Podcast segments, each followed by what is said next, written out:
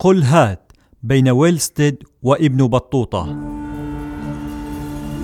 مرحبا بكم من أستوديو التاريخ الشفوي بهيئة الوثائق والمحفوظات الوطنية. أحييكم أنا هارون الزجالي في الموسم الثاني من بودكاست وثيقة.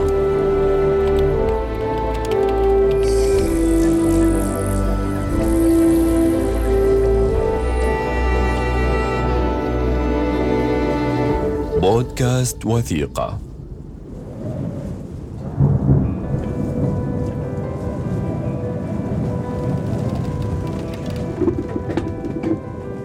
حين كان البحر تتلاطم أمواجه بالعواصف التي لا تبقي سفينتنا على مستقر. سمعت البحاره يهتفون لي. السير ولستد السير ولستد. دعنا نجنح إلى الجبل. لا آمل بالوصول إلى صور اليوم. رياح البحر الموسمية لا تريد لنا ذلك. كان البحاره يستجدونني بأن لا نذهب إلى صور اليوم. كنت قد خططت لذلك حين خروجي من مسقط. وحين صار مركبنا مملوءا بالماء وقد شارف الغرق. امتثلت له. قادتنا سفينتنا نحو قمم الجبال القريبة منا. واقتربنا منها شيئا فشيئا إلى أن وجدنا امرا مدهشا لم نكن نحسب له حساب. رأينا ميناء صخريا أكلته أمواج البحر وقد صار مندثرا. تلتم عليه طحالب ومرجان وصدف وتجلده الأمواج دون رحمة. أمرت البحارة بالرسو في المكان. ثم إنني من فرط الدهشة والغرابة التي خلقها المكان في نفسي. لبست حذائي دون وعي مني وخرجت اولا من السفينة وانطلقت ماشيا نحوه وعيناي جاحظتين دهشة وغرابة. كان المكان أشبه ما يكون بحوت نافق على شاطئ البحر وما زال نفسه يسير ويجيء. دخلت دون تردد إلى أطلال الحجارة هناك ثم سألت أحد العمانيين الذين معي عن اسم المكان فأجابني يسمى قلهات.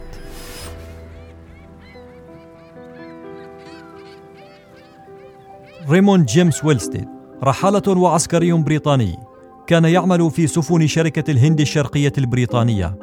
زار عمان عام 1835 في عهد السلطان سعيد بن سلطان الذي قدم له التسهيلات اللازمة والدعم الكامل لرحلته في مناطق عديدة من عمان وشبه الجزيرة العربية. وفوق ذلك أيضا آه، وفر له يعني مرافق. هذا صوت الدكتور حميد النوفلي صاحب كتاب قلهات الجوهرة المفقودة. ويعني يضمن له الحماية. و- وأيضا أعطاه آه، مكاتيب ورسائل إلى القبائل وإلى الزعماء الذين يعني يمر عليهم في رحلته حتى يوفروا له أيضا الحماية وال- والعناية والاهتمام. تبدو الزيارات غير المخطط لها أحيانا ذات أهمية بالغة لكتابة التاريخ تلعب رياح المحيط الهندي الموسمية دورا كبيرا في صياغة تاريخ المنطقة تجبر مرتادي المحيط بالمثول للصدف التي تشكل رحلاتهم غالبا استكشافا كبيرا أو مأساة يذهبون ضحايا لها. هيبالوس مثلا تاجر إغريقي حين ارتاد المحيط الهندي من الجزيرة العربية قادته الرياح الموسمية إلى رسم طريق للإغريق نحو الهند. عده الإغريق انتصارا بارعا رغم أن الطريق رسمه العرب والهنود من قبله. قبل قرون من الزمان. ثم إن ويلستيد قادته الرياح ذاتها نحو قلهات دون تخطيط مسبق منه.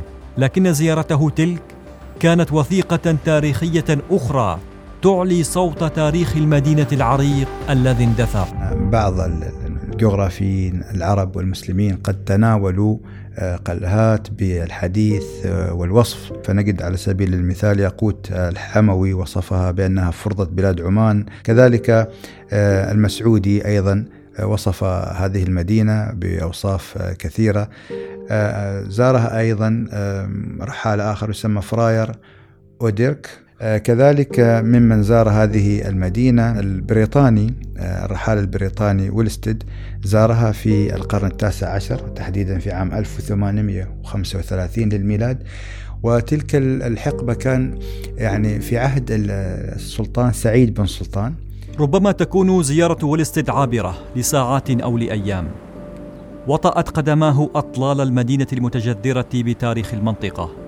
شاهد فيها حجارة كثيفة متفرقة في مساحات واسعة ومبان شبه مندثرة متراصة تتآزر للبقاء كي تحكي عن مدينتها. لكن لم تكن قلهات هكذا حين وقفت قدم ابن بطوطة في ذات المكان الذي وقفت فيه قدم ولستد الآن.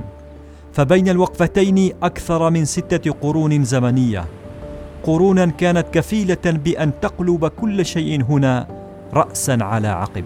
وتجعل كلام الرحالين متناقض جدا. بين من يصف المدينة بأنها مكان بائد وبين من يصفها بأنها مدينة العظماء والنبلاء.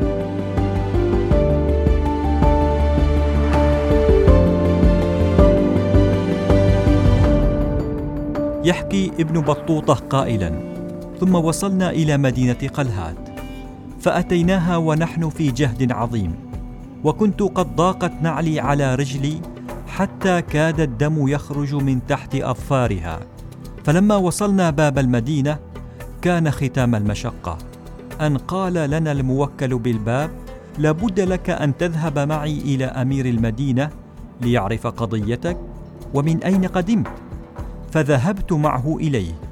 رأيته فاضلا حسن الأخلاق وسألني عن حالي وأنزلني وأقمت عنده ستة أيام. لا قدرة لي فيها على النهوض على قدماي لما لحقها من الآلام. ابن بطوطة توسع في الوصف وذكر ربما نقول التاريخ الاجتماعي للمدينة ذكر العادات والتقاليد للناس وما ما تتميز به المدينة من من عادات ومن أكلات حتى ووصف السمك الذي يتناوله أهل آه، قلهات بأنه ألذ آه، وأطيب سمك أكلته في حياتي.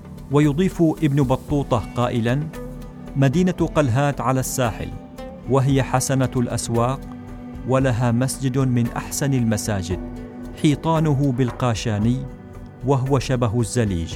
مرتفع ينظر منه إلى البحر والمرسى وهو من عمارة الصالحة بيبي مريم ومعنى بيبي عندهم الحرة.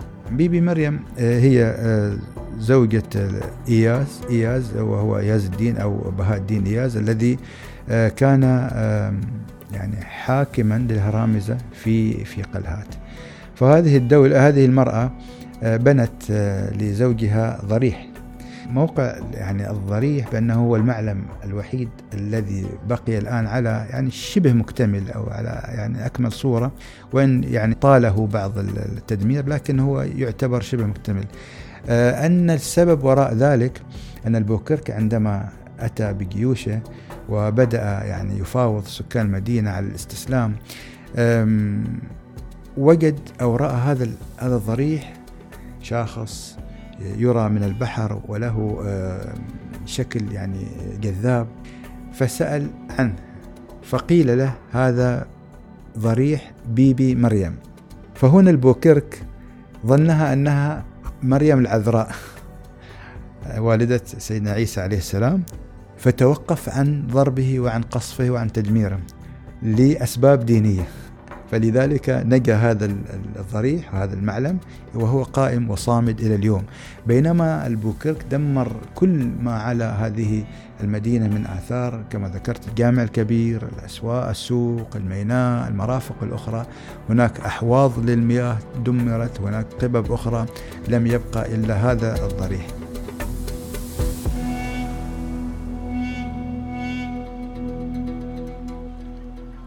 لعب المسرح السياسي الهرمزي في منطقة الخليج وفي قلهات بصورة أساسية في السيطرة على تجارة البحار الغنية بالبضائع الغالية والبهارات.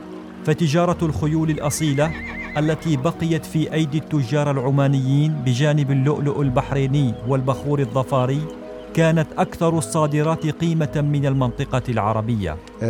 الهرامزة رأوا أن قلهات لها موقع استراتيجي مهم جدا جدا.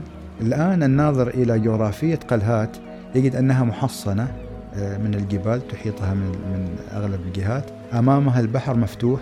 أيضا قضية التقاء اليابسة مع البحر عند قلهات بالذات هي في أخفض منطقة بخلاف المناطق التي حواليها يمينها ويسارها. هذا يعني هيئ المدينة لأن تكون ميناء.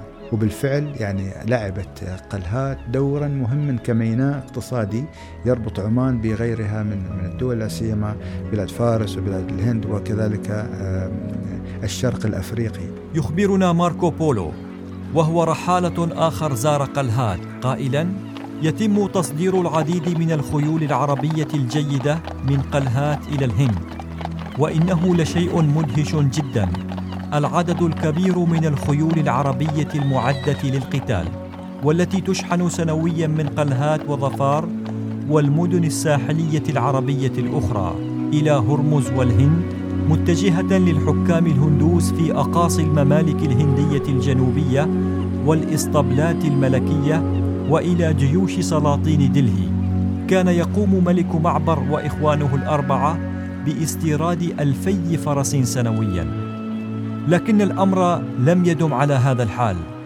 صارت قلهات الآن في عيني ويلستيد مختلفة تماما. ما الذي حدث هنا؟ هذا لغز. هذا لغز لم يحل حتى الآن. يعني تجد أن ما يعني يشد الباحثين في في موضوع قلهات في تاريخ قلهات أن أن قلهات لم تكن على وتيرة واحدة. تارة تجدها أنها يعني مدينة مهمة واستراتيجية ورائجة وبها ازدهار ويعني ازدهار اقتصادي. وتارة تارة أخرى تجد أنها أطلال كما تفضلت. في الحقيقة تاريخ قلهات المكتوب هو من بداية عهد مالك بن فهم. تجمع المصادر لا سيما المصادر العمانية على أن مالك بن فهم في يعني أثناء رحلته وهجرته من اليمن نزل ب آه، في قلهات. وهناك أيضا روايات تخالف هذا الأمر لكن هذه الرواية الأشهر. ثم بعد ذلك آه، طبعا نمت المدينة وازدهرت لكن بعد ذلك آه، غيبت عن المشهد فلم تتطرق إليه المصادر التاريخية. حتى أتت العصور الوسطى نحن دخلنا في الإسلام حتى أتت العصور الوسطى وهي أنها أصبحت في هذه الفترة قلهات آه، سوق تجاري مهم وأنها بوابة عمان إلى إلى الخارج. آه، نعود بعد ذلك أو تأتي يعني الحقب التاريخية وتذكر آه، المصادر التاريخية أن أن زلزالا ضرب قلهات فدمرها. اذا هنا أيضا مرحلة أو حقبة فيها تدمير، ثم بعد ذلك ما فتئت أن يعني آه، ازدهرت قليلا حتى أتى البوكرك في عام 1507 وقصف المدينة ودمرها ثم انتقل طبعا إلى قريات ثم إلى مسقط ثم إلى باقي المدن. إذا نعود وتعود هذه المدينة العامرة سابقا إلى أطلال وبقيت هكذا قرابة الخمسة قرون وهي إلى اليوم وهي بهذا بهذا الشكل. أه، ربما في عام 2018 ربما كانت أيضا نقطة نعتبرها منعطف تاريخي في تاريخ أه، يعني تاريخ المدينة على الأقل على الجانب النظري. وهي أن المدينة أدرجت في قائمة التراث العالمي باليونسكو فأصبحت الآن ظهرت مرة أخرى إلى نقول إلى المشهد الحضاري والشهود الحضاري فأصبحت مدينة من مدن التراث العالمي التي تهم كل العالم. هكذا كانت قلهات مدينة نابضة بالحياة في كل مبنى مندثر أمام ولستد لقد كانت جوهرة المحيط الهندي على الساحل العماني مركزية بموقعها المميز واتصالها الآمن بالبر الداخلي في عمان. لذا كل القوى التي كانت تحاول السيطرة على تجارة الواجهة العمانية والخليج تسيطر أولا على قلهات فهي نقطة منتصف الطريق بالنسبة لها. وهو الأمر الذي أكسب المدينة ثقلها السياسي والاقتصادي لكل القوى. منذ فترات ما قبل الإسلام عند مالك بن فهم والفرس والهرمزيين والبرتغاليين. هذه الأطلال التي أمام ولستد الآن ضمت حضارات متعاقبة على المكان بادت بها الأرض كما باد أهلها.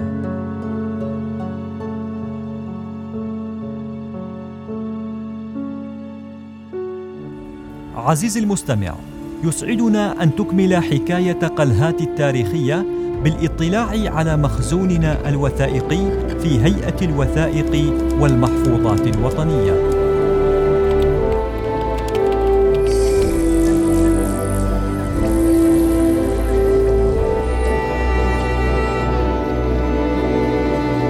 بودكاست وثيقة